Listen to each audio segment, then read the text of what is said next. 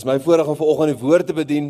Vir 'n inleiding moet ek jou net eers 'n storie vertel. Ek het hierdie jaar 'n huis gebou en die huis is nou in die mark. Maar in dieselfde estate waar ek gebou het, het my skoonpa ook 'n huis gebou. Daar's nou al lank 'n haas daar rond. Om die storie net bietjie kleur te gee, moet ons die haas 'n naam gee en ek het lank gewonder watter naam. Miskien 'n naam soos Vlekkie Hierdie haas is nogal 'n makhaas en hy is die hele tyd daar rond en een of ander manier het die haas dit reg gekry om te bly leef vir so lank want tussen 'n klomp bouers toe werk dit nou so uit dat toe die gras geplant was min of meer die laaste ding wat gebeur met die huis en my my skoonpa ons is min of meer saamgebou toe begin dit die haas net na die gras geplant is elke nou en dan as ons op die terrein kom dan het die haas nou 'n gat gegrawe Ja, en dit raak nou natuurlik nou 'n frustrasie, soveel so dat jy jouself dink as ek 'n haas in die hande kry, dan sal ek hom nou verwrig.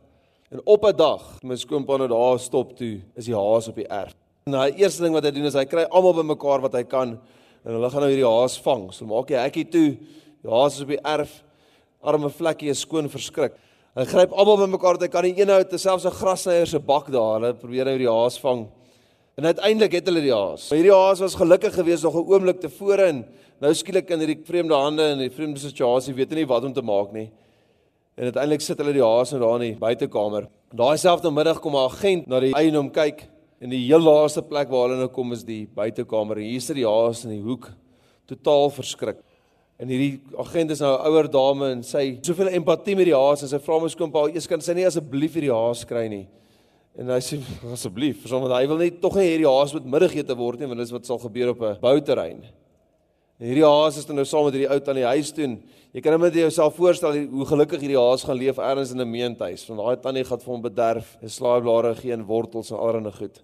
Maar dit moet nogal laat dink, toe die haas op sy gelukkigste was, was hy eintlik in die grootste gevaar. Daar kon hy enige tyd gevang geword en dit sou sy einde wees. Maar toe die haas gevang was, toe was hy in grootste angs, maar eintlik was sy verlossing baie naby.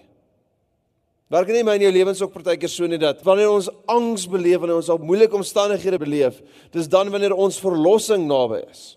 Ons is eintlik in ons verlosser se hande, meer as voorheen, maar ons besef en waardeer dit nie onmiddellik nie. As jy onthou 2010, toe daar 'n myn tragedie gebeur daar in Chili, 33 myners is 760 meter onder die grond, vasgevang in 'n rotsstorting, 5 km van die ingang van die myn af. Hierdie 33 manne sit daar, hulle het vir 69 dae oorleef. Hulle het nie geweet wat bo hulle aangaan nie, sonder dat hulle weet. Dit was die hele wêreld se aandag gefokus op hulle. Hulle het koerant en TV opskrifte gemaak oral in die wêreld. Die eienaars van die myn het uiteindelik 3 nuwe skagte moet sing. Een vir kos, een vir suurstof en uiteindelik een om hulle te red. Na die 69 dae is die 33 myners gered en die myn se eienaars het ergens tussen 200 en 300 miljoen rand spandeer om hulle daar uit te kry. Die prentjie is net hierdie ouens sit daaronder in 'n noodsituasie en hulle is totaal onbewus spandeer word om hulle te verlos. In beide die haas en die myners se storie is daar 'n toepassing in my en jou lewe.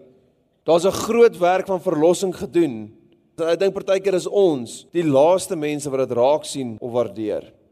So Jesus sleutelvers om altyd in gedagte te hou, Kolossense 1 vanaf vers 13 sê hy het ons verlos uit die mag van die duisternis en oorgebring in die koninkryk van die seun van sy liefde. In wie ons die verlossing het deur sy bloed, naamlik die vergifnis van sondes. Daai eerste woord verlos is die woord om te red. Jy is in gevaar, jy word van gevaar weggeneem. Maar die woord los of verlos in die tweede deel van daai skrifgedeelte het eintlik 'n finansiële metafoor. Daar's 'n groot skuld wat betaal moet word sodat jy kan vrykom. En iemand betaal daai skuld namens jou. Boas was 'n verlosser gewees vir rit in die Ou Testament. Vandag nog as jy 'n huisverband het en jy kom by daai laaste paaiement, dan sê ons jy het jou huisverband afgelos. Selfde tipe woordsamestelling. Dis wat die woord verlos in die konteks beteken. Die prys vir ons sonde is namens of vir ons betaal sodat ons kan vry wees. Sonder om nou enige familietwiste veroorsaak, wil ek nou eers die volgende vraag vra. Wie het onlangs iets gekoop wat jy nie kon bekostig nie of wat jy nie nodig het nie? Ek het so aankoop is gelukkig nie iets duurs nie. Op 'n stadium het jy een van daai dis ek weet nie wat noem jy dit nie, 'n gym bar. Jy hak hom oor die deurkosyn van jou huis En dan kan jy self hiermee kan jy 'n paar pull-ups doen. Vir hoeveel hy kos, is dit seker nie 'n te vreeslike groot verlies nie, maar ek moet nou vandag erken hy lê meer in die kas as wat by die deurkusyn is. Ek kyk partykeer my arm so in die spieël en dink ek nee wat, ek hoef nie nou te oefen nie. Maar dan het my nogal dink aan toe infomercials net begin het. Ek weet nie wie van julle dit onthou nie.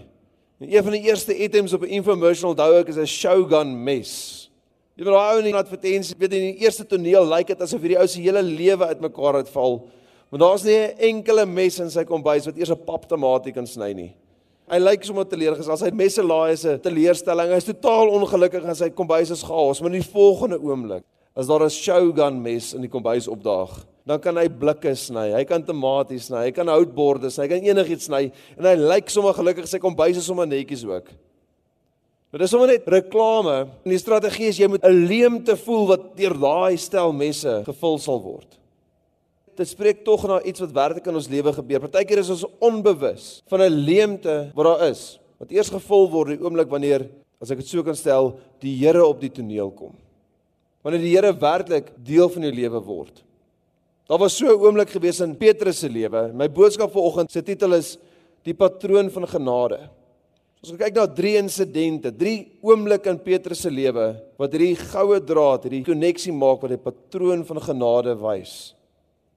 Eerste een, Matteus hoofstuk 4, vanaf vers 18 sê: "En terwyl Jesus langs die see van Galilea loop, sien hy twee broers, Simon wat genoem word Petrus en Andreas sy broer, besig om met 'n net in die see uit te gooi, want hulle was vissers. En hy sê vir hulle: "Kom agter my aan en ek sal julle vissers van mense maak." En hulle het dadelik die nette laat staan en hom gevolg. Die konteks hier is dit: Galilea is 'n klein provinsie noord in Israel. Die dorpie waar hulle gebly het was Kapernaum. As dit nie vir hierdie oomblik was nie, sou hulle nooit geweet van Petrus en Andreas nie. Niemand sou hulle kinders na hulle vernoem het nie. Hulle sou 'n aantekening gewees het in 'n familieregister op beste. Hierdie manne se lewens is bepaal deur die feit dat hulle vissers was. Dit wat hulle werk was, dit wat hulle bestaan was, hulle middel tot oorlewing, het hulle identiteit bepaal en is al wat hulle was, is vissers. Maar die eerste ding wat vir my so interessant is hier is in hierdie konteks.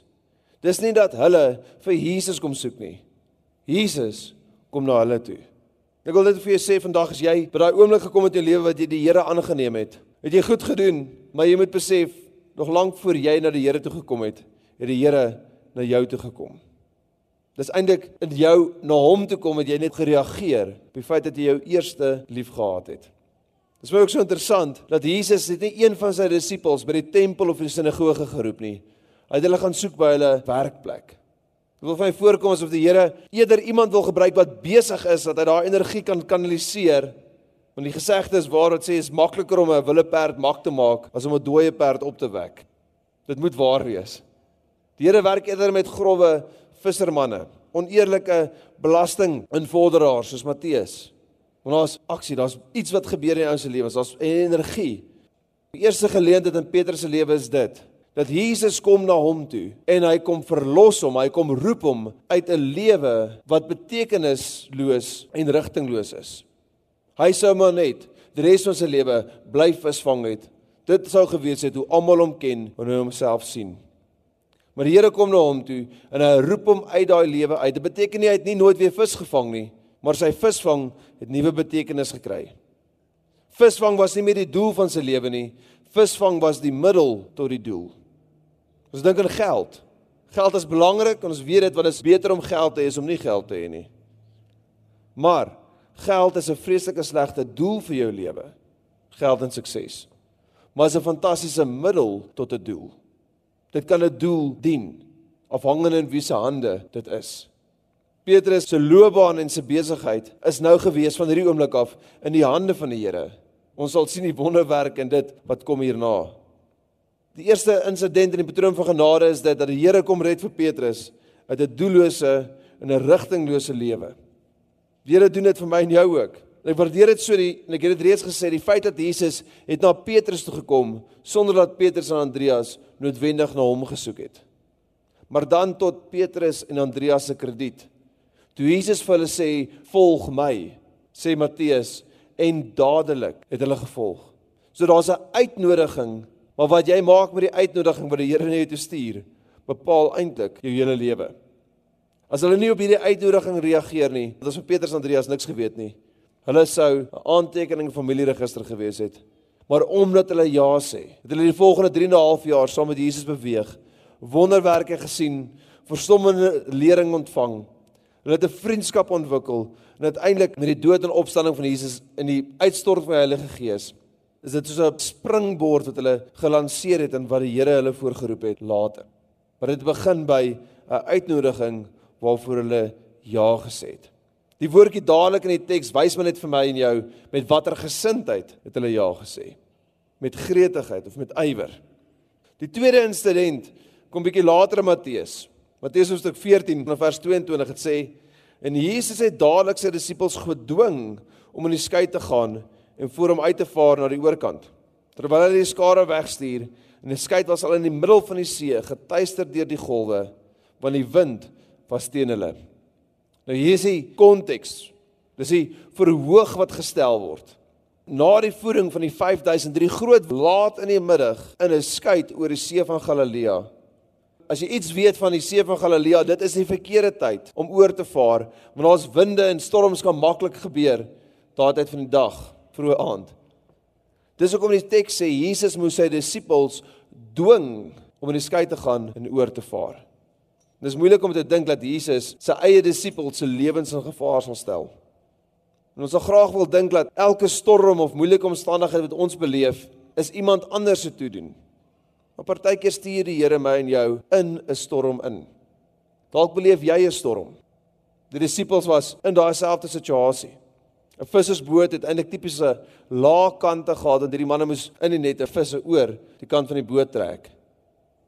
In 'n storm is dit natuurlik 'n groot probleem, want dan kan jy water baie maklik oorspoel. So hierdie manne het die hele middag en nag water geskep om net aan te hou lewe, of net aan die lewe te kom bly. Totale angs, moeilike omstandighede. Maar die punt hier is dit. Soms stuur die Here my en jou in 'n storm in, want die Here wil hê ons moet hom sien soos wat hy werklik is en nie soos wat ons dink hy is nie. Dit was die punt van wat hier uiteindelik gebeur. Jesus kom na die disippels toe en hy openbaar homself in die middel van die storm aan hulle soos wat hy werklik is. En die prentjie in hulle kop en gedagtes van wie Jesus is, skuif. Jy is dalk in 'n storm. Jesus sleutel vir uitweg. Maar jy het eers nodig om te sien wie die Here in jou lewe is. Jy het ook nodig om te sien dat die Here is soos wat hy werklik is en nie soos wat jy dink hy is nie. Maar weet ook dit, dat wanneer die Here jou in 'n storm instuur, dan is dit omdat hy beplan om 'n wonderwerk in jou lewe te doen. Maar dit is presies ook wat hier uiteindelik gaan gebeur. It's a setup for a miracle. Vers 25 sê: Kort voor dagbreek het Jesus op die see na hulle toe aangeloop gekom. Toe die disippels hom so op die see sien loop, was hulle verskrik. Hulle het benoud begin skree, want hulle gedink dis 'n spook. Maar Jesus het dadelik vir hulle gesê: "Toe maar, moet julle nie ontstel nie, dit is ek." Petrus sê toe vir hom: Here, as dit regtig U is, laat my dan op die water na U toe kom. Kom dan, het Jesus gesê. Petrus klim toe oor die kant van die skei en begin op die water na Jesus te loop. Maar toe hy die hoë golwe rondom hom sien, het hy paniekerig geword en begin sink. Hy skree toe vir Jesus: "Here, red my." Jesus het onmiddellik sy hand uitgesteek en hom gegryp. Hierdie tweede insident, eerste ding wat my opval is, dit sê Jesus het kort voor sonsopkoms aangestap gekom op die water. As jy net onthou 'n paar verse terug, hoe laat was dit toe Jesus hierdie man in die skei oorkant toe gestuur het? Laatmiddag. So kom ons sê 5:00 die middag tot waarskynlik 4:00 die oggend, amper miskien dalk 5:00 die oggend. Jy kan dink die angs, die moegheid, alles wat opbou in daai skei vir hierdie hele tyd. Dis baie laat hier is seker 'n tema in die hele woord van God is dat die Here is baie keer later as wat ons wil hê hy moet wees. Maar die Here is nooit laat nie. As jy gesegde wat sê die Here se tyd is stadig en baie stadig, maar nooit te laat nie. As jy voel die Here kom nie deur in 'n situasie nie, onthou dit. Sy tyd is stadiger as my en jou tyd, maar hy is nooit te laat nie. Hierdie bygelowigheid in die middel van die storm wys ook net vir ons iets van die mens se eie hart. Die toestand van die mens dat ons aan snaakse goed sal glo en ons vrees uitleen vir goed wat nie bestaan nie. Maar ons ontken die moeilike omstandighede vir situasie waar binne ons is. Toe Petrus uiteindelik sink, behoort dit nie so 'n groot probleem te wees nie want ek sou gedink het as jy langs die see van Galilea bly en jy is 'n visserman, wat beteken jy is elke dag op 'n boot, moet jy darm sekerlik kan swem. So wie sal nie kan swem nie as dit is wat jy elke dag doen nie. Die punt van hierdie gedeelte is eintlik dit dat wanneer die Here ons in 'n storm instuur of dalk in 'n ander situasie 'n storm rondom ons toelaat, dan is dit nie omdat hy ongenadig of onliefdevol is nie. Dis omdat hy wil hê ons moet hom sien soos wat hy werklik is. En hy wil hê ons moet die geloof ontwikkel in enige situasie om 'n wonderwerk te verwag. Want dis hoekom die Here storms toelaat. Dis omdat hy 'n wonderwerk voorberei. It's a setup for a miracle.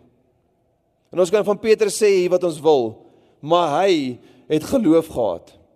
Hy het die moed gehad om onmiddellik te reageer.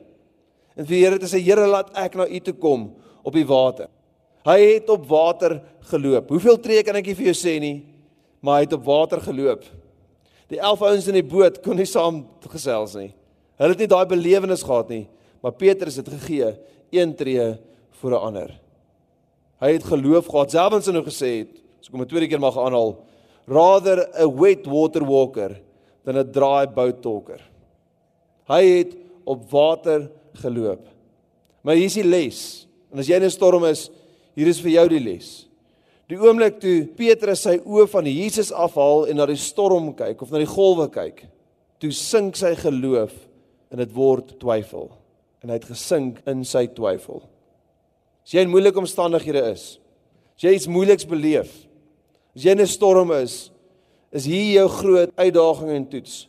Is om jou oë op die Here te vestig. Die oë van jou hart, sê Efesiërs 1:18, gefestig op Jesus. Jy kyk met ander woorde net na hom as jou verlosser.